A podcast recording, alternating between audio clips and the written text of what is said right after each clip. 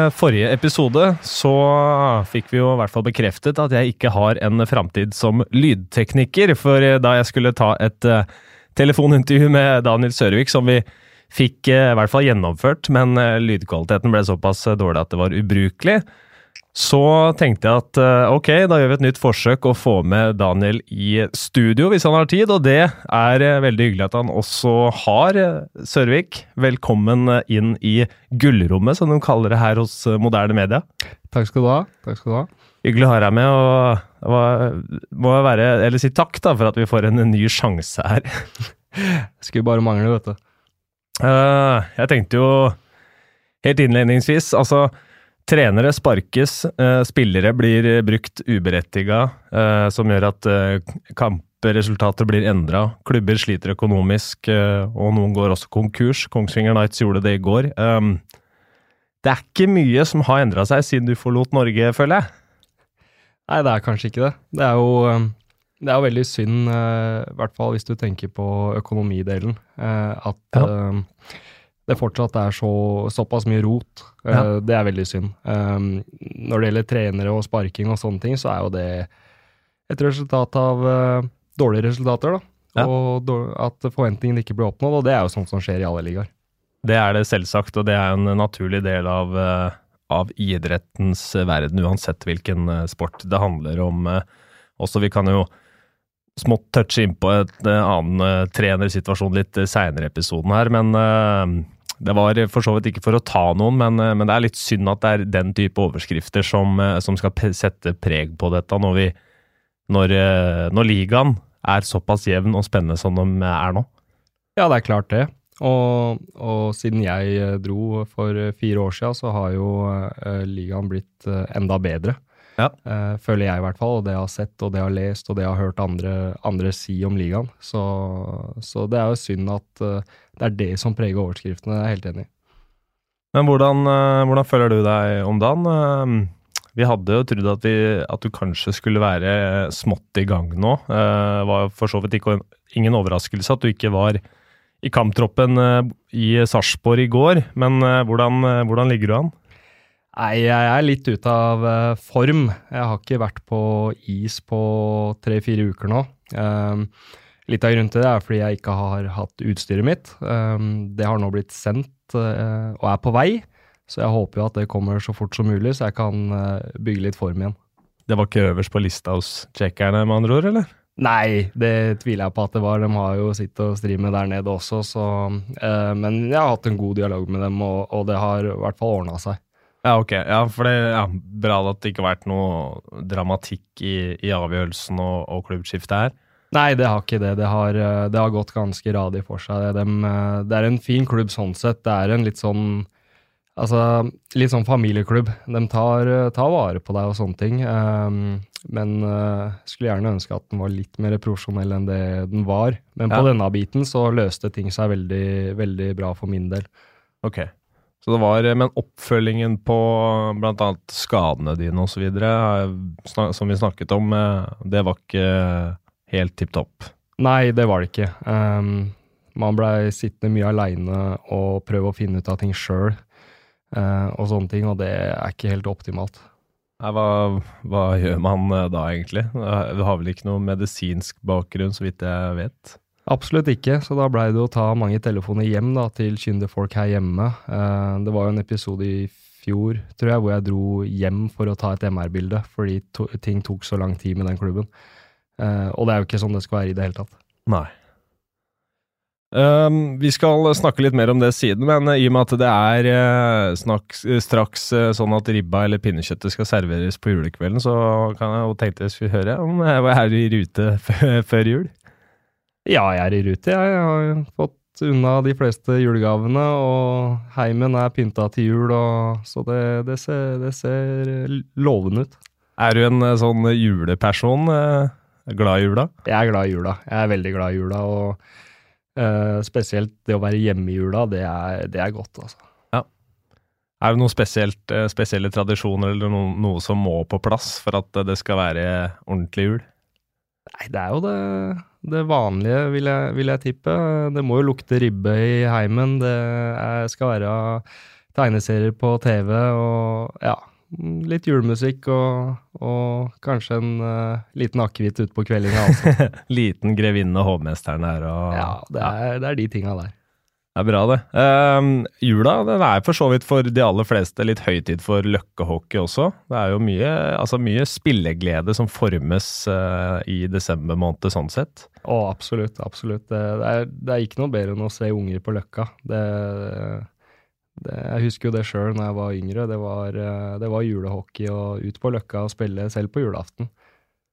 Hva, hvor viktig men, eller føler du at det der er? Man snakker jo veldig ofte om at liksom det blir mindre og mindre løkke. Nå skal jeg ikke ta en eh, konklusjon på akkurat det spørsmålet, fordi jeg veit at det er mye aktivitet på Løkka. Om det er mer enn det var før, det er for så vidt umulig å måle. Men hvor viktig er det da å, å få, få, holde på ute i friluft eh, på trening som ikke er organisert? Det er klart det er veldig viktig. Det er jo du, du kan jo trene mye mer på teknikk og sånne ting, da. Eller mye mer og mye mer, men du, det blir liksom litt mer naturlig da, å prøve på litt ting på Løkka og, og drille litt og showe litt og, og litt mer eh, avslappa forhold, da. Um, så ja. Mm. Uh, først uh, altså over til karrieren din, som har uh, Den er for så vidt uh, fortsatt ikke så veldig gammel.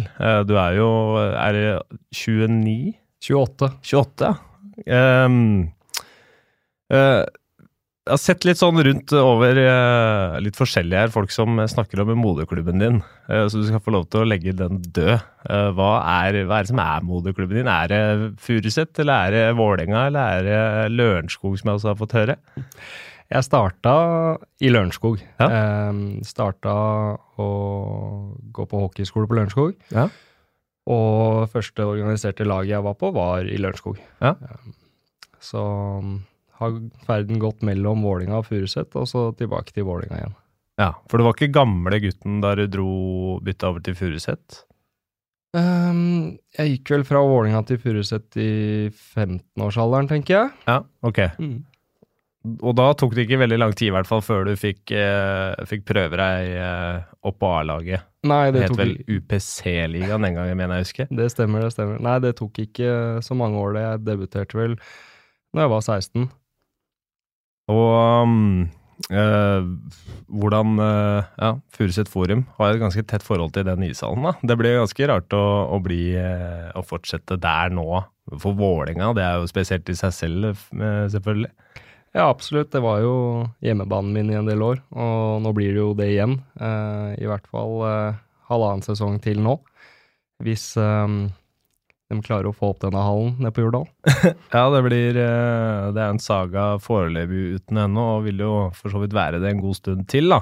Eh, vi har fått et spørsmål av Philip eh, på Twitter, han er en fast lytter, som har spurt om det noen gang blir å se i Furuset-drakt igjen, og hvem som var det beste, eller de beste fra tida di i Furuset. Når det gjelder det å se meg i Furuset-drakta, så veit man jo aldri hva som skjer uh, fem-ti år framover. Mm. Uh, så det kan jeg ikke svare på nå. Uh, men Furuset er jo Jeg er jo glad i, glad i klubben, og jeg mm. håper at, at, ting kan være bra i den klubben også. når det gjelder de beste som har vært eller som jeg har spilt med, så må jeg jo nevne Temu Kusisto. Han var jo ekstremt god de sesongene han var i, i Furuset. Mm. Og ja, det han gjorde på trening også, det han, øh, han, var god. Det var vel en litt sånn finsk mafia i Furuset øh, i noen år der? Ja, det var det. Vi hadde, vi hadde jo Aki Mykanen som trener også, uh, når jeg kom opp der. Og så var det jo en del, del finner innom titt og ofte. Og et par, eh, par, bra. Var vel en keeper som var eh, en ganske morsom eh, figur òg? Absolutt. Joni Hallikainen. Han var, han var en artig skrue. uh, hvordan var altså, hverdagen i Furuset? Jeg husker jo uh, Dette er ikke veldig vanskelig for meg å huske heller, for du spilte jo på lag med broren min. Det var et veldig bra lag, sånn sett. hverdagen i Furuset, og når du fikk prøve deg oppe på, på A-laget såpass tidlig? Hadde du noen spesielle rollefigurer på laget der? Jeg så vel egentlig opp til de fleste som var på A-laget på den tida. Um, så hadde man jo også uh, spillere i andre klubber som man så opp til. Uh, man så jo på spesielt bekkene som Vålinga hadde på den tida. Ja. Når du tenker på de som Atle Olsen og så de gutta der, så er det klart at man ser opp til de gutta også. Mm. Det er eh, Sånn sett så må du vel kjenne litt på den situasjonen Furuset er i nå. Det, det, var, eh, det er ikke veldig, veldig mange år tilbake siden det var en ekstremt god rekruttering og, og ungdomsavdeling der. Eh, mange gode spillere som fortsatt er aktive, som, som har vokst opp i hallen der òg, og det er vel av de som, som, holder på nå, så er jo Mats Rosli Olsen blant annet i hvert fall den, en av de man må nevne. Ja, absolutt. Altså, Ungdomsrekrutteringa i, i Furuset var veldig bra. Og det er veldig synd at uh, det har blitt som det har blitt på Furuset. Uh, nå skal ikke jeg si for mye, for jeg veit ikke åssen ting står til der nå. Men uh, det, det, gror jo ikke så godt, kanskje. Jeg veit ikke. Um, men ja, Rosselli Olsen han er jo et av de største talenta vi har hatt, som har kommet fra Furuset, så. Mm. Har fått et eh, spørsmål av eh, Mats Vålberg også den, uh, til denne episoden her, og han, han, ønsker egentlig at vi skal snakke litt om klubber og økonomi, um, som han også skriver for n-te gang. Uh, og det er for så vidt sant, så jeg tenkte jeg skulle vri litt på akkurat det spørsmålet. Uh, og se det fra litt mer spillerperspektiv, for dette henger litt sammen. Det med økonomi er at man bruker penger man ikke har på spillere som kanskje ikke alltid presterer på det nivået man håper. Eh, og det genererer sjelden ekstra inntekter også å få inn en, en god import. da. Um, skal spørre deg, da, Hadde du vært samme spiller i dag dersom du ikke hadde fått prøver her i Furuset eh, såpass tidlig? Nei, det tror jeg ikke. Det var jo også en av grunnene til at jeg blei i Norge og ikke prøvde lykken andre steder. Ja. Um, jeg fikk jo tidlig komme inn på A-laget. Jeg trente med dem fra jeg var 15 år. Uh, sommertrening og på is, og så fikk jeg debuten tidlig. Og det gjorde jo at jeg fikk uh, den erfaringa jeg trengte, og at jeg fikk uh, noe å strekke meg etter. Ja. Uh, det er mange spillere som blir på U20 kanskje for lenge, mm. og ikke får prøve seg opp. Ja. Og da kan det veldig fort bli at de, de har ikke noe utfordring. Det blir typ litt kjedelig, fordi de har ikke noe utfordring. De er kanskje best, da, eller en av de beste på U20. Mm. Og så går de litt i stå, og så er det mange som faktisk slutter fordi de ikke kommer seg videre, eller har muligheten, for, nettopp kanskje fordi det er en import da, på A-laget som tar plass, og så kanskje han ikke er, egentlig er god nok til å være der. Mm. Har du noe eh, eget ståsted på akkurat den eh, debatten om det med importer og antall eh, i, i ligaen? Om du mener om det bør være som det er, eller reduseres, eller eventuelt økes? Jeg mener at det bør reduseres. Ja. Det er vel sju nå. Jeg syns veldig gjerne at vi kan gå ned til fem. Ja. Vi trenger å få opp unge norske spillere som får spilletid. Ikke bare det å sitte på benken og få et bytt her og et bytt der. Eh, de må spille, og det kan være en av måtene å gjøre det på. Det er vel en slags frykt, det der med at, uh, som du sier, veldig ofte så blir de unge sittende på benken. Uh, det er jo en slags naturlig prosess, man må gjøre seg fortjent i spilletiden også, men det handler jo selvsagt eh, på sikt så må du bli kasta ut i det, og du har jo vært der selv som, som 16-åring. Uh, det er ganske utfordrende, regner jeg med, å være ute i kampens hete der. Ja, absolutt. Um, man er jo så klart redd for å gjøre feil. Uh, og sånne ting når man er ung gutt uh, og sånne ting. Men det er noe med det at man, man må la de unge gutta få gjøre feil også. Og mm. man kan ikke hogge huet av dem uh, for å prøve. Og altså det, vet, det, verste for meg hadde vært å se en spiller som ikke prøver. hvis han prøver og feiler, så får du heller veilede, rettlede. Og så får han kanskje gjøre et annet valg neste gang, men da har han i hvert fall prøvd. Mm. Um, og det, jeg, det tror jeg er viktig. Uh, var det slik du blei behandla i Furuset? Ja, jeg fikk, uh, fikk, muligheten til å prøve og feile, uh, og lærte masse de, de, de første åra jeg spilte i UPC-ligaen og Jet-ligaen. Mm.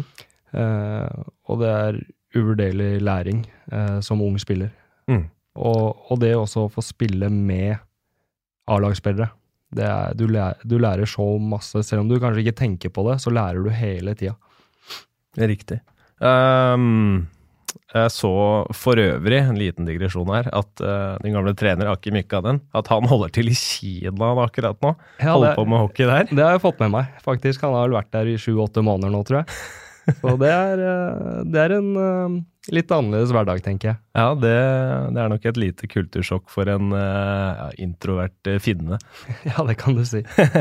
Um, dette her er jo for så vidt aktuelt for de aller fleste og et mye større bilde, men jeg så en artikkel i stad skrevet av Roy Kvatningen, et intervju med Mats Zuccarello, hvor han snakker om at ungdom bør holde på med andre idretter så lenge det lar seg gjøre å kombinere med det man ønsker å satse på. Eh, har, har du drevet med noe annet uh, sjøl, du, eller? Ja, jeg spilte fotball eh, til jeg var en rundt eh, 14-15 år, tenker jeg. 14 år. Ja. Mm. Noe, ikke noe annet? Nei, ikke noe annet enn det. Det var, var fotball og hockey, helt til jeg fant ut at jeg måtte, måtte velge. Ja. Og da blei det hockey, da. Ja. Men, hvor eh, Eller eh, er du fortsatt fotballinteressert? Følger du med noe særlig? Følger med, vet du. Jeg følger med på stort sett på Premier League. Ja. Har du noe spesielt lag der? Det er Manchester United. Ok, så du Da er vi akkurat der eh, på det trenerspørsmålet jeg nevnte i stad, om at eh, da har du vel eh, eh, fått med deg hvem som skal ta over roret etter Mourinho? Jeg har fått med meg at Solskjær eh, er caretaker-manager ut sesongen, ja. Før vi blir helt fotballpodkast her, da, så må jeg spørre deg hva du tenker om det. da. Det er jo altså uh, Det var klager her i landet at vi ikke eh, få At det ikke skulle bli vist Love Actually på TV i jula, men dette her er vel en eh, kjærlighetshistorie som overgår det mange hakk, eller? Ja, det, det vil jeg si. Eh, Det er en eh, nå en manager som har eh, spilt i klubben i mange, mange år og har et eh, veldig, veldig stort hjerte for United. Og det er, ak det er akkurat det United trenger nå.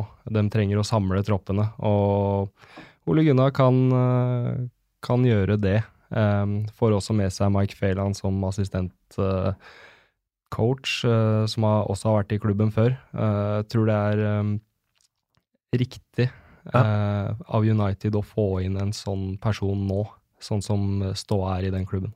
Eh, nå, siden vi er inne på trenere, da, eh, for det her ble jo helt avgjørende også for at du, at du er tilbake i Norge nå, enkelt og greit. Uh, fordi du tok en telefon til Espen Sjampo Knutsen. Eh, kan du få, eller gjengi litt av den? Ja, jeg satt i Tsjekkia eh, og var fryktelig frustrert. eh, og hadde ganske lenge vært inne på tanken på å kanskje gi meg. Jeg hadde, hadde ikke noe spilleglede, hadde ikke noe motivasjon. Um, det er jo også grunnen til at utstyret er nede i Tsjekkia. Jeg pakka jo bare klesbagen min og dro hjem. Um, nei, den telefonsamtalen med Espen var uh, var veldig bra for min del. Uh, Jeg sa rett og slett åssen ståa var, hva jeg følte, og, og at jeg var drittlei. Enkelt og greit. Ja. Uh, Espen sa 'kom deg hjem så fort som mulig', så prater vi sammen her hjemme og ser hva vi kan gjøre. Eh, Vi finner ut av eh, hva du trenger av hjelp, både kroppslig og, og psykisk. Ja. Eh, og så og så og så tar vi det derfra. Mm. Det er Må være veldig betryggende når man sitter og føler seg så aleine i Tsjekkia at, at de tar deg imot med åpne armer. Ja, det er klart det. Eh, Det var, eh, det var veldig godt eh, å prate med Espen på det punktet der. Ja. Um, Det, det, det ga meg litt selvtillit også. At, at, ikke at jeg ikke var ønska i Tsjekkia, for det, det var jeg. Jeg hadde en, en god samtale med, med presidenten i klubben der før jeg dro hjem, Mm. om at jeg Eller jeg fikk beskjed av han om at jeg måtte finne ut hva som var best for meg. Eh, ikke tenke hockey nå, ikke tenke klubb. Bare dra hjem, kjenne på det, finne ut hva som er best for, for meg, da, Mm. som, som person. Ja. Mm. Det er veldig synd at det, at det gikk sånn òg, men eh, sånn, akkurat som eh, presidenten av Elitinov sa, da, så er det jo viktigst at du finner ut hva som er best eh, for deg. Og du har jo, mildt sagt kan man vel si, blomstra under ledelsen til Espen Schapo Knutsen tidligere. Ja, det stemmer det. Jeg, jeg trives veldig, veldig godt i Vålinga. Mm. Eh, generelt i livet så trives jeg jo veldig, veldig godt hjemme. Jeg er veldig hjemmekjær sånn sett. Ja. Så det var jo litt av utfordringa når jeg dro ut første gang også, når jeg dro til Sveits. Ja. Og det som har vært veldig kjedelig for min del, er at uh, de sesongene jeg har vært ute, har stort sett vært prega av mye skader. Ja. Eh, mye skader som folk ikke har sett også, og skader som folk ikke har visst om. Mm. Eh, selv de som er, er nærmest meg, har ikke visst eh, hvor mye jeg egentlig har slitt eh, med, med diverse skader. Eh, jeg har bare rett og slett bitt tenna sammen og bare gått på trening. Eh, kall det gå på jobb, ikke sant. Ja. Eh, og rett og slett ignorert eh, kroppen min. Ok. Um, og det går jo så og så lenge, og til slutt så, så smeller det jo. Og det går jo på psyken løs, og det er jo Mm. det det har gjort uh, spesielt i år, da. Ja. Og det er vel kanskje en kombinasjon på at du sliter deg ut fysisk, men når du forteller deg selv at eh, alt er bra, du møter på jobb, men du klarer ikke prestere på det nivået du gjør, så er det med på å knekke deg òg. Fordi altså, det er vel ingenting som styrer ens egen selvtillit enn en egne prestasjoner og hva man føler man bidrar med selv, selv om det er en lagsport. Det stemmer, det stemmer. Um, og det har jo vært Jeg har jo rett og slett brytet meg sjøl ned, både fysisk og psykisk, ved å, ved å ignorere de um, Både de skadene og de tegnene som har kommet, da. Ok. Uh, og det har jo ikke vært bra i det hele tatt. Uh, og det ser jeg jo nå. Uh, kan jo si at det var altfor seint. Ja. Men nå har jeg i hvert fall innsett at jeg trenger, trenger hjelp, med, i hvert fall med disse skadene. Ja, også, også, også det med den mentale biten, som jeg ikke har, har Hva skal jeg si, jeg har ikke tatt vare på den mentale biten heller. Det er kanskje litt sånn tabu, akkurat eh, det der å snakke om eh, eh, Man ser jo enkelte eksempler på det, men jeg vet ikke hvordan det er i hockeymiljøet. Ja, så, altså for min egen del da, så har det jo vært at Hva skal jeg si, det er jo det er jo egentlig ganske teit, men jeg er mann, jeg er hockeyspiller. Man har ikke vondt, man bare kjører på, og så går dette fint, liksom. Ja. Eh, og det er jo som jeg sa, det går så og så lenge. Ja. Eh, og til slutt så smeller det. Eh, folk har forskjellige bristepunkt. Eh, for andre så går det helt fint å gjøre det på den måten. Eh, For meg så trodde jeg sjøl at det her går helt fint, ikke noe problem. Men det gjorde det ikke, for det begynte å gå utover livet mitt utafor hockeyen også. Og Ja. da Det var da jeg skjønte at nå, nå må noe gjøres. Da blinker varsellampene, ja. Da begynte det å blinke rødt. Jeg tenkte jeg skulle spørre deg om eh, altså liksom hvordan du har vokst eh, på, på å være i utlandet, fordi det er selvfølgelig en lærdom også, men det virker som at kanskje det her er noe av det viktigste du tar med deg fra utenlandsoppholdet, hvordan du skal ta vare på deg selv. Absolutt. Absolutt. Eh, Jeg har lært veldig, veldig masse av å være i utlandet, både, både som hockeyspiller og som menneske. Ja. Jeg er mange, mange erfaringer rikere. Og når man ser tilbake, så er det jo noen ting man kunne ha gjort annerledes. eh, Blant annet det jeg har snakka om nå. Eh, Men samtidig så har man jo lært også. Ja, ja. Eh, Det er jo noe jeg kan ta meg videre framover i livet. Absolutt. Og hva som skjer, eh, skjer seinere, det veit man jo ikke, men da er man i hvert fall godt rusta. Eh, Det har jo vært eh, dessverre en del skader som har satt sitt preg på det her. Har det, føler du i det siste, for du hadde jo en enorm sesong i Vålerenga-drakta eh, før du reiste. Eh, hvordan sånn spillemessig, eh, har det vært på stedet hvil, eller er det et eller annet du har eh, klart å jobbe med eller utvikle? Jeg føler at jeg er en bedre hockeyspiller nå Ja. enn uh, når jeg dro fra Vålerenga. Ja. Ehm, uh, denne sesongen her har jo blitt veldig prega av skader. Jeg har vel kun spilt åtte, åtte seriekamper, tror jeg. Eh, og fire av dem var jeg ikke 100 Eh, Det var vel bare de tre første jeg var 100 omtrent. Ja, Og så den ene jeg var tilbake for fullt. Um, så i år har det jo vært uh, rett og slett ræva. Ja. Uh, jeg har ikke vært i nærheten av det, nivå- det nivået jeg veit jeg kan være på. Så kan man jo skylde på skader og sånne ting òg, men uh, fjorårssesongen var jo heller ikke noe, noe å rope hurra for. Uh, men det, man kan jo si at ja, laget var ikke bra nok i fjor. Vi gjorde det jo veldig, veldig dårlig. Eh, vanskelig å prestere på et lag som gjør det så dårlig. Men allikevel så satt jeg igjen med en følelse at jeg fortsatt kunne ha gjort det bedre sjøl. Mm. Uh, I Vålerenga, altså det, det, er jo Nå er det jo snart et nytt år, og det klisjeen kommer alltid at det blir en ny start, da, men det blir jo på en måte for deg et skikkelig ordentlig startskudd da, for, for å komme ordentlig i gang. Uh, siden du ikke har vært på is en stund og ikke har hatt utstyret ditt ennå heller, så, så, regner jeg med at vi ikke kan forvente å se deg på is i romjula heller, eller? Det veit jeg ikke. Eh, nå spørs det jo når Altså, kommer bagen i morgen, så er det jo større mulighet for at jeg spiller en av de kampene i romjula. Ja, det er jo eh, Oilers òg, er et lag du har eh, et forhold til som Vålerenga-spiller. Vært noen tøffe tak der? Ja, det er sant, det. Og skal hva skal jeg si, de som har vært eh, mest negative til at jeg har kommet hjem, har jo vært eh, en del Stavanger-supportere. Um, man har jo fått kommentarer om at man er eh, ferdig som hockeyspiller og en fallende stjerne og sånne ting. Ja. Um, og det er bare å kaste mer bensin på bålet, for det bare fyrer meg opp enda mer. Ja. så det, det, det, er bare bra, det. litt mer om altså, rivaleriet der, da. dere kjemper i toppen. Stavanger leder tabellen i As We Speak. Um, det er jo noe ved det også, og mens uh, altså slenger du inn Storhamar inn i miksen her, da, så er det jo Det her kan bli et fyrverkeri av en innspurt på både Gateligaen og et NM-sluttspill det lukter svidd av. Absolutt, absolutt. Det er, um, det er tett i toppen. Ja. Um, det er uh, gode lag som har gode spillere. Um, noen er kanskje mer sårbare for skader enn andre. Uh, men uh, nå som jeg har kommet tilbake til Vålerenga, så ser jo uh, Hvis jeg er i form og klarer å prestere, så ser jo backrekka til Vålerenga jeg, jeg, jeg vil påstå at det er den beste backrekka i ligaen, og kanskje på mange år.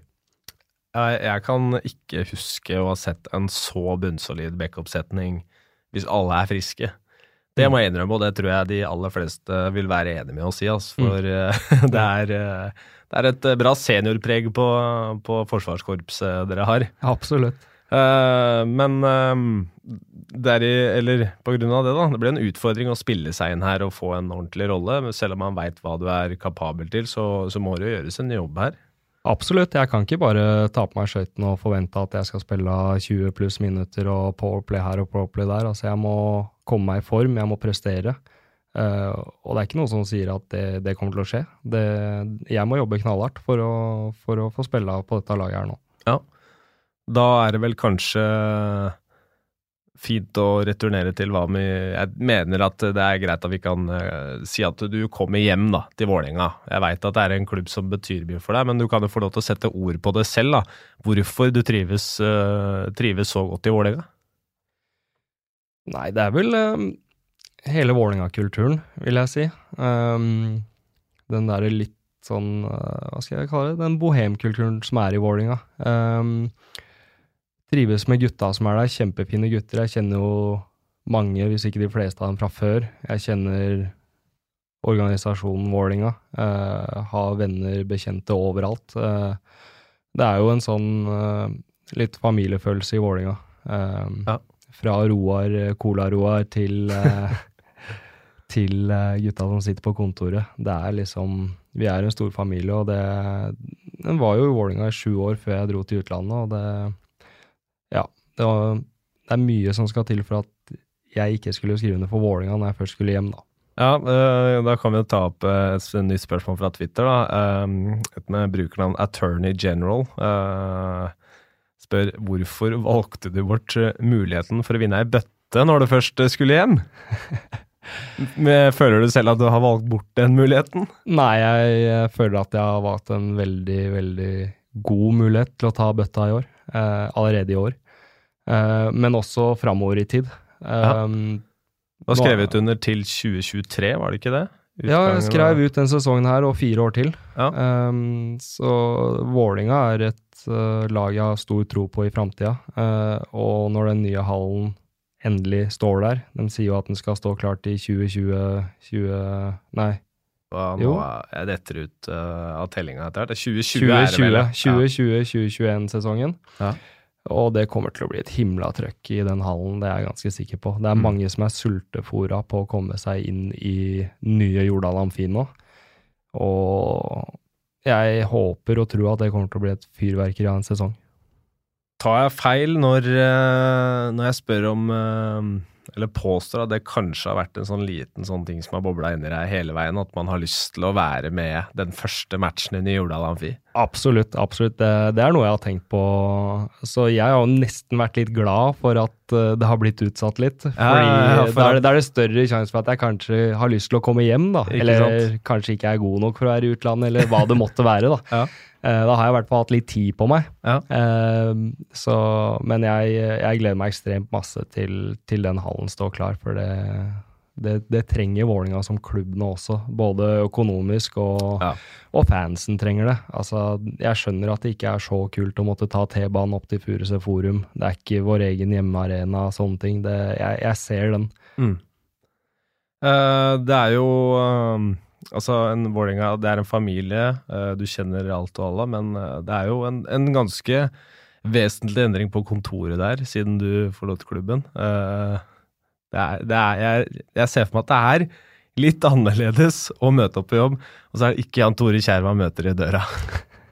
Det stemmer, det. det Sirkusdirektøren er ikke der lenger. Uh, men uh, vi har jo Morten uh, på kontoret der, Ja. eh, som jeg har snakka masse med. Veldig veldig ålreit fyr, og, og virker som han kan det han driver med. Ja, Eh, absolutt. Så har jo Glenn på kontoret der også, som gjør en markedsjobb eh, som virker veldig, veldig bra. Eh, Mm. Han er målretta og veit hva som skal til Mm. i, når det gjelder ishockey. Mm. og det markedet der. Men hvordan er det å ha en, en sjef som Kjær? Altså, de fleste kjenner han jo gjennom, gjennom Iskrigerne, at man fikk et litt større inntrykk av han der. og Jeg regner med at han serverte akkurat der i serien hva han serverer til alle andre daglig. Kjær kommer jo fryktelig godt ut i denne iskrigerne. Eh, Nei da, men jeg har et veldig godt forhold til Kjær. Eh, Ja. Det har jeg fortsatt. Jeg Du ble aldri lurt på noe sånn maskotoppdrag eller sånn nei, nei, det, det, det gjorde jeg ikke. Eh, nei, Kjær er stort sett sånn som jeg kjenner Kjær, så er han veldig rett fram. Eh, han sier det han mener, og, og ja, det er rett og slett sånn han er. Jeg møtte han jo på, på Strømmen storsenter her eh, forrige uke, og ja, han er, han er samme gamle typen. Ja, der tror jeg en som er seg sjøl 100% Helt riktig. Men eh, så er det dette med å komme i gang eh, skikkelig, da. Um, jeg veit ikke, altså muskler dem, dem råtner jo fort, men regner med at det, det skal vel ikke ta veldig, veldig lang tid før du er litt sånn på, på gang igjen, i og med at man har et, et, et greit treningsgrunnlag, regner jeg med. Ja, grunnlaget er der, så nå er det egentlig bare å, å komme i matchform igjen. Ja. Uh, Det er jo det som er greia, å få ikke ha innbytterpuls etter hvert bytte. Eh, uh, muskler de kommer jo tilbake når man begynner å trene dem, og det har jeg jo begynt å gjøre. Jeg trener jo, Uh, det er bare at jeg ikke har kommet meg på is ennå pga. bagen og skøytene mine og sånne ting. Eh, men det er nå snart på plass, og da regner jeg med at det kommer til å gå eh, relativt fort, da, til man er kampklar, i hvert fall. Ja, du har vel et uh, trenerapparat som, uh, som er glad i å nesten svinge litt med pisken nå? Ja, vi har jo Roy, han er jo glad i å trene, han. Han trener jo masse sjøl, og, og vil jo at vi skal trene mest mulig. Ja. Um, men det er bare positivt for meg, det. Jeg trenger, trenger en som står og pisker litt, så det, det er bare godt for meg. Så er du eh, Jon Aase med i teamet. Så har vi Jon Aase, han er veldig dyktig. Det er han jeg jobber med på, på office-biten nå. Eh, både for å forebygge de skadene som har vært, eh, Ja. og sånne ting. Eh, så det er jo ikke noen skader som, som kan hemme meg å gå på is nå. Eh, det har jeg fått kontroll på her hjemme. Eh, Ja. Det har jeg stort sett klart å få kontroll på når jeg er her hjemme. Eh, jeg har- Det var med ryggen og nakken, var det Rygg og nakke. sånn Ja, stemmer. Nakken har vært et problem i mange, mange år. Ja. Um, jeg har hatt noen hjernerystelser, jeg har hatt noen smeller som ikke har vært bra for meg. Ja. Ehm, det tok noen år før jeg fikk uh, hva skal jeg si, behandling som funka. Ja. Ehm, Og ikke bare én behandling, men kombinert behandling. Mm. Um, og det har funka kjempebra. Mm. Eh, akkurat nå går jeg til en som heter Lars Brenna på Vestby. Mm.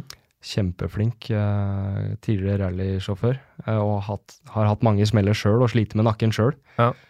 Og han har hjulpet meg veldig veldig masse med nakken og få kontroll på hodepine, migrene og sånne ting. Eh, og det er det jeg har slitt masse med eh, når jeg har vært i utlandet, og når jeg har vært i Tsjekkia. Jeg har okay. ikke fått den hjelpa og oppfølginga som jeg trenger der borte. Og det å skulle dra på trening med eh, hodepine og svimmelhet eh, tre til fire ganger i uka innimellom, det, det er ikke veldig ålreit. Det, det går på psyken løs, og det Mm. er liksom en av de grunnene til at det har gått som det har gått. Da. Det høres eh, tungt ut. Ja, det er, det er kjempetungt. Altså, du, du våkner om morgenen, og du har, kanskje, du har kanskje sovet i åtte timer, men det kjennes ut som du har sovet i en halvtime. Ja. Kjennes ut som du har fått en semitrailer i bakhjulet, og så skal du ut på trening og, og, og prestere.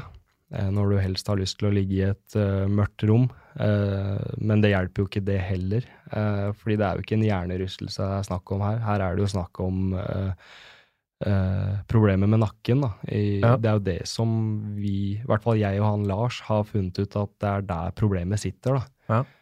Og det, det, er ikke, det er ikke bra for, eh, for den mentale biten heller, å gå rundt og ha hodepine og være redd for at du skal få en smell, for da veit du at det blir verre og sånne ting. Og det mm, Nei, det har ikke vært bra i det hele tatt. Mm. Det høres uh, ganske likt ut som uh, de plagene Martin Ylven var veldig tydelig på at han hadde da han uh, spilte veldig lite på noen par sesonger i Lørenskog. Mm. Jeg så også, nå, vi enige, apropos Lørenskog, Alexander Larsson som spilte der i et par år og har vært i Frisk Asker og Sparta også. Beskrev jo problemer som var veldig likt med det her, og Mm. Ole Kristian Tollefsen også har, har snakket om det. Der var det vel mer pga. en hodeskade, men han har jo fått kjørt seg, han også. Ja. Eh, og det er vel sånn at man, hvis man ikke finner ut av det og fortsetter, så er det ikke mange smellene unna at du kanskje hadde vært ferdig. Nei, det er nettopp det. Altså, hadde man ikke fått uh, Hadde ikke jeg fått uh, den behandlinga som jeg har fått her hjemme, så kunne jeg ikke ha fortsatt å spille ishockey. Enkelt og greit. Um, det Ja. Det, jeg, det er også en skade som jeg ignorerte sjøl lenge. Ja. Um, og jeg var eh, ekstremt letta når jeg, når jeg fikk, fikk hjelp for det, rett og slett. Ja, det skjønner jeg veldig godt. Mm. Eh, Det må være fælt å liksom sitte hjemme i egen sofa og tenke at eh, skal jeg gi meg? Det er et skritt å ta sånn mentalt sett, det også, å liksom komme inn på den tanken. Ja, absolutt. Eh, tankene har jo vært der fra tid til annen, Ja. nettopp av dette. Ja. Eh, men i år har den jo blitt eh, tusen ganger forsterka Mm. av andre skader i tillegg. Ja. Og da sitter man der og så tenker man, er dette verdt det? Altså, Mm. jeg skal ha et liv etter ishockeyen også. Ikke sant? Eh, Og nå er du inne i primen eh, sånn aldersmessig også. nettopp, nettopp. Og det er liksom, det er ikke nå man har lyst til å gi seg med ishockey. Når Nei. man er 28 år og, som du sier da, skal være på høyden, da. Ja. Så nei, jeg er glad for at Jeg er ekstremt glad for at eh, at jeg er der jeg er nå, for det er det jeg trenger både som spiller og som, som menneske, rett og slett. Ja, for det blir vel eh, en tryggere hverdag eh, totalt sett. Ja, absolutt. Altså, nede i Tsjekkia så var det jo veldig lett å isolere seg sjøl, da. Ja. Når eh, Ikke bare når ting gikk dårlig, men når man hadde det dårlig med seg sjøl også. Ja. Så drar man på trening, da. Man kommer seg på trening, og så og møter på trening klokka ni, da, og så er man ferdig sånn mellom tolv og ett en gang, da. Så Mm. drar man kanskje og spiser lunsj med et par av gutta, så holder man liksom alt inne. Kommer man seg på sofaen, da, så sitter man kanskje fra klokka ett eller klokka to, da, Ja. til klokka tolv, klokka ett på, på natta, Mm. og gjør ingenting. Nei. Og det er eh, Ikke det at det er sånn det må være, men det blir fort sånn. Ja. Uh, I hvert fall når du er den eneste importen på laget og sånne ting. Altså, Mm. De tsjekkiske gutta har sine liv, de har sine kjærester, uh, koner, barn, sånne ting, og da er det veldig lett for at det blir sånn. Mm. Um, Altfor ofte. Og det er jo Det har ikke vært uh, helt sunt for min del, da, at, og spesielt i år hvor det har vært så mye skader også. Mm. Med andre ord så kanskje, eller får man litt eh, større forståelse for situasjonen til importene som også kommer til Norge, for de er, eh, Det er en enkel skyteskive når ting ikke går helt på skinner for et lag. Ja, absolutt. Altså, folk eh, Jeg tror ikke folk tenker helt, helt på uh, den biten utafor hockeyen. Den er Altså, har du det ikke bra utafor isen, Nei. så presterer du ikke på isen. Nei. Enkelt og greit. Og det kan jo være altså, et eh, kultursjokk for eh, folk å komme til Norge, også hvis du er vant til Nord-Amerika eller har vært eh, nede i Tyskland, Østerrike-området og spilt eller noe, så, så er det jo litt annerledes å komme opp hit. eh, Ja, og absolutt. Absolutt. Vi blir jo påvirka av dette, denne mørketida sjøl. Ja, det, det stemmer, det. Jeg husker jeg snakka med var vel en spiller som eh, var eh, Bryce Lampman da når han spilte i Lørenskog, eh, at eh, han hadde aldri vært et sted hvor det var mørkere. Han hadde spilt fem-seks år i Florida. Så jeg husker eh, en dag, eh, det var vel i januar, og det var, eh, det var sol ute, så bare kom jeg med stjerner, og bare det er, Jeg kan nesten ikke tro at det er sol.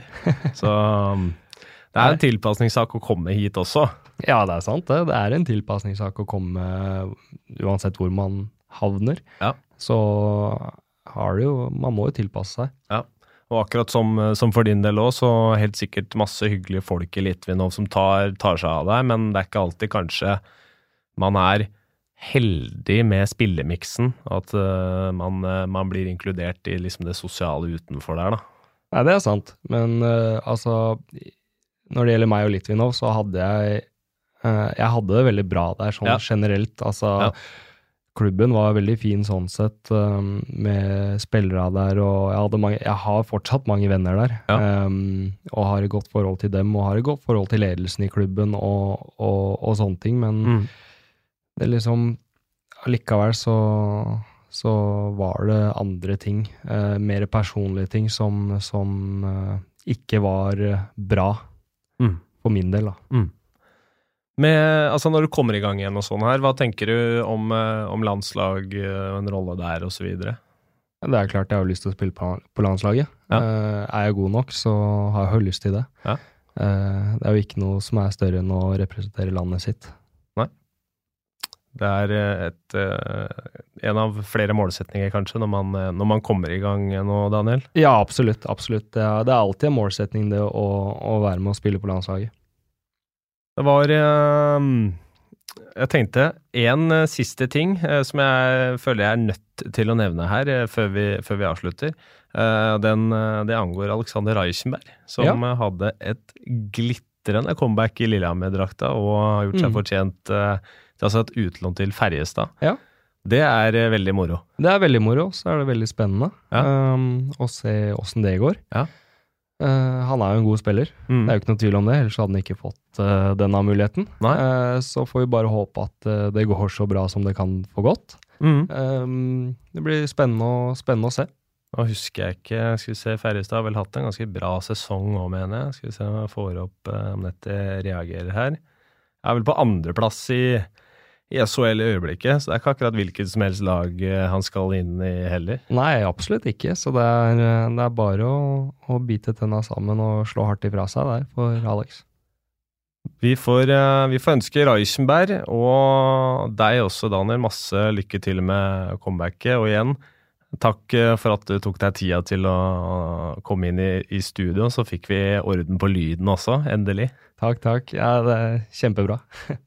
Og til alle dere som uh, hører på, som vanlig så eh, skal dere ha en stor takk for at uh, dere gidder å vie litt tid til denne podkasten. Og så får dere storkose dere med ribbe, pinnekjøtt og hva det måtte være attåt, Uh, og litt romjulshockey som også er rett rundt hjørnet. Det er høytid for Gatlingan også, det blir herlig. Så høres vi igjen i eh, 2019 blir det. Så får dere ha en riktig god jul og et godt nytt år.